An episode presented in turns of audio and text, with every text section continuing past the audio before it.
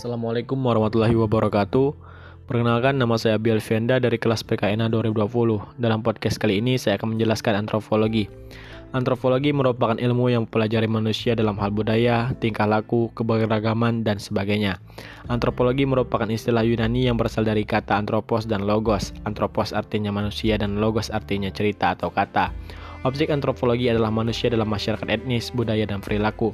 Ilmu antropologi bertujuan mempelajari manusia dalam masyarakat etnis, berperilaku, dan budaya untuk membangun masyarakat itu sendiri. Perhatian dasar antropologi adalah apa yang mendefinisikan Homo sapiens, siapakah nenek moyang Homo sapiens modern, apa ciri-ciri fisik manusia, bagaimana perilaku manusia, mengapa variasi dan perbedaan di antara kelompok manusia yang berbeda, dan seterusnya. Dikutip dari Discover Anthropology Ruth Benedict, mengatakan bahwa tujuan antropologi adalah membuat dunia aman bagi perbedaan manusia. Sedangkan menurut Koja Ningrat dalam pengantar antropologi, tujuan antropologi adalah satu tujuan akademik, mencapai pemahaman tentang manusia secara umum dengan mempelajari berbagai bentuk fisik masyarakat dan budayanya. Dua, tujuan praktis, mempelajari manusia di berbagai komunitas etnis di dunia untuk membangun masyarakat itu sendiri. Berkaitan dengan tujuan antropologi, dapat kita ketahui bersama manfaat kajian antropologi untuk mengetahui pola tingkah laku manusia dalam kehidupan sosial, universal, serta pola tingkah laku manusia pada setiap masyarakat atau suku. Kemudian mengetahui kedudukan dan peran yang harus diemban keluar sesuai dengan harapan warga atas kedudukan yang diembannya, memperluas wawasan tentang pergaulan manusia di seluruh dunia yang mempunyai kekhususan sesuai dengan ciri daerahnya, menimbulkan toleransi yang tinggi, mengetahui mengetahui berbagai macam permasalahan di masyarakat, memiliki kepekaan terhadap kondisi masyarakat, dan mampu mengambil inisiatif pemecahan masalah. Tinjauan Antropologi biologi atau antropologi fisik berfokus pada studi populasi manusia menggunakan kerangka evolusi. Antropologi budaya juga disebut antropologi sosial budaya atau antropologi sosial, khususnya di Inggris Raya. Ini adalah studi tentang budaya dan terutama didasarkan kepada etnografi. Etnografi dapat memacu pada metodologi dan produk penelitian yang monograf atau buku. Etnografi adalah metode induktif beralasan yang sangat bergantung pada observasi partisipan. Arkeologi adalah studi tentang budaya material manusia, termasuk artefak atau potongan budaya manusia yang lebih tua yang dikumpulkan dengan cermat di sana, potongan museum dan sampah modern.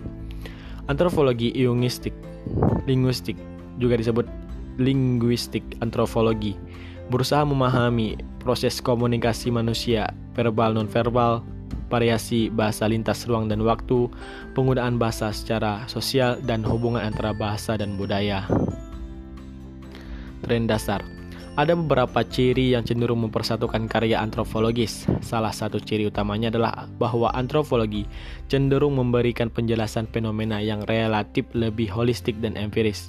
Pencarian horisme membuat sebagian besar antropolog mempelajari tempat atau hal tertentu secara mendetail menggunakan berbagai metode dalam periode yang lebih luas dari biasanya di banyak bagian akademisi. Kemudian masuk ke sejarah antropologi. Penggunaan pertama istilah antropologi dalam bahasa Inggris untuk merujuk pada ilmu alam umat manusia tampaknya terjadi pada tahun 1593 yang pertama kali logika ditemukan. Immanuel Kant membutuhkan waktu 25 tahun untuk menulis salah satu risalah besar pertama tentang antropologi.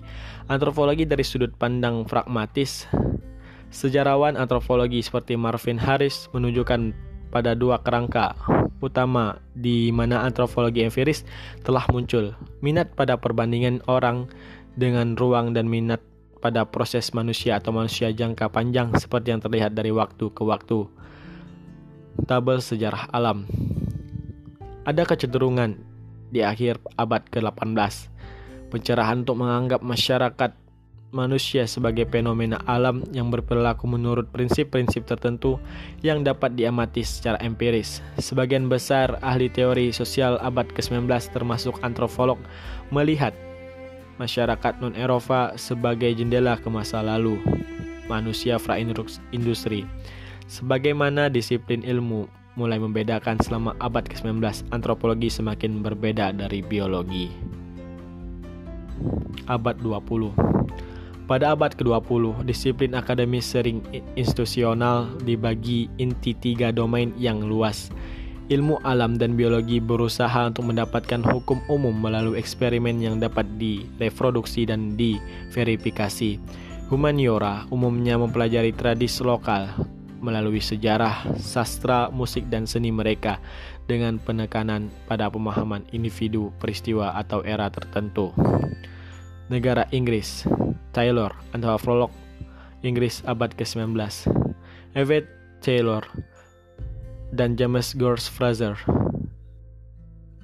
menyatakan umumnya dianggap sebagai pendahulu antropologi sosial modern Inggris.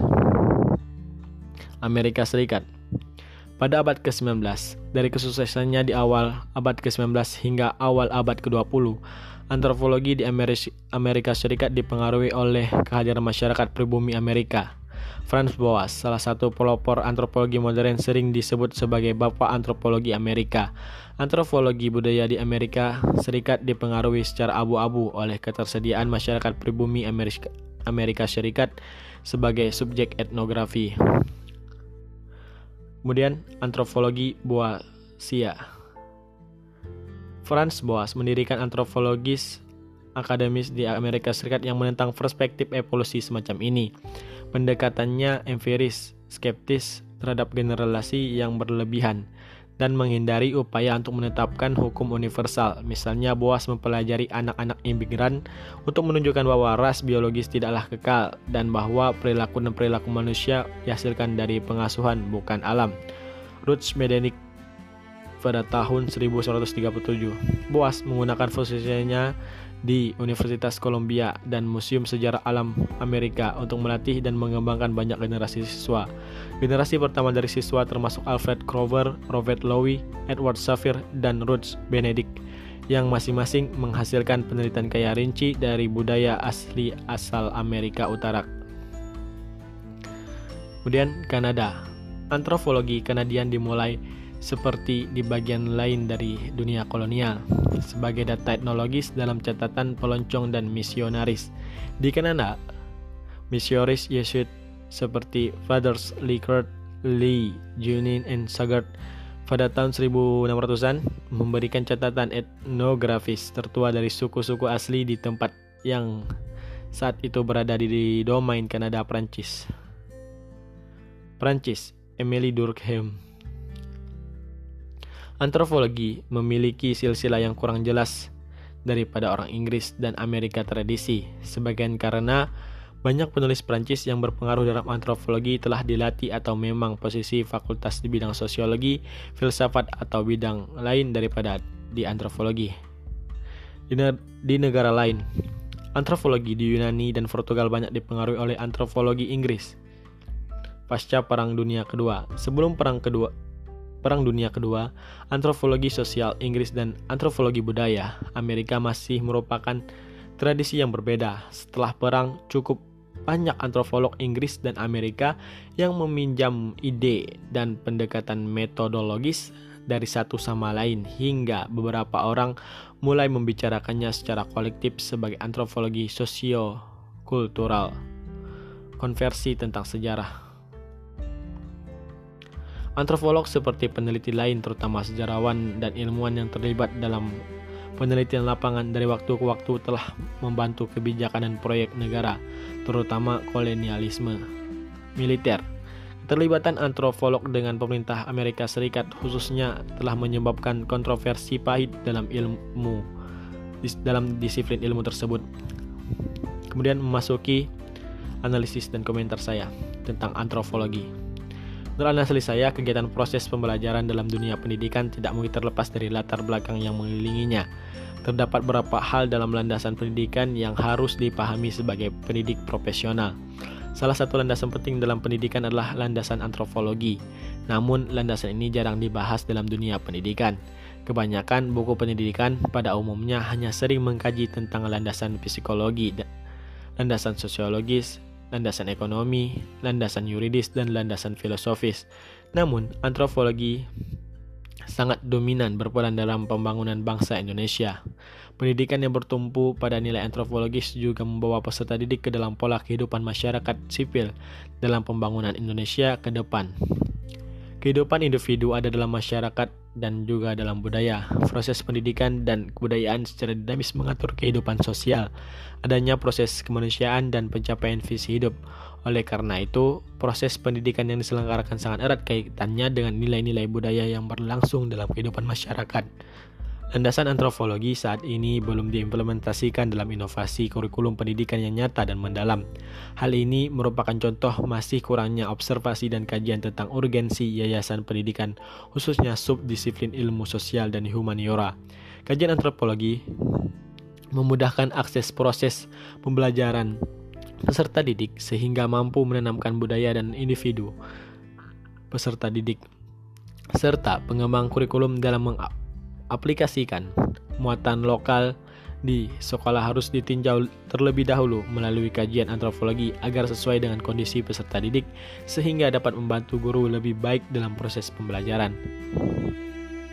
Perspektif antropologis tentang pembangunan Indonesia ditujukan untuk membangun masyarakat dan peradaban manusia.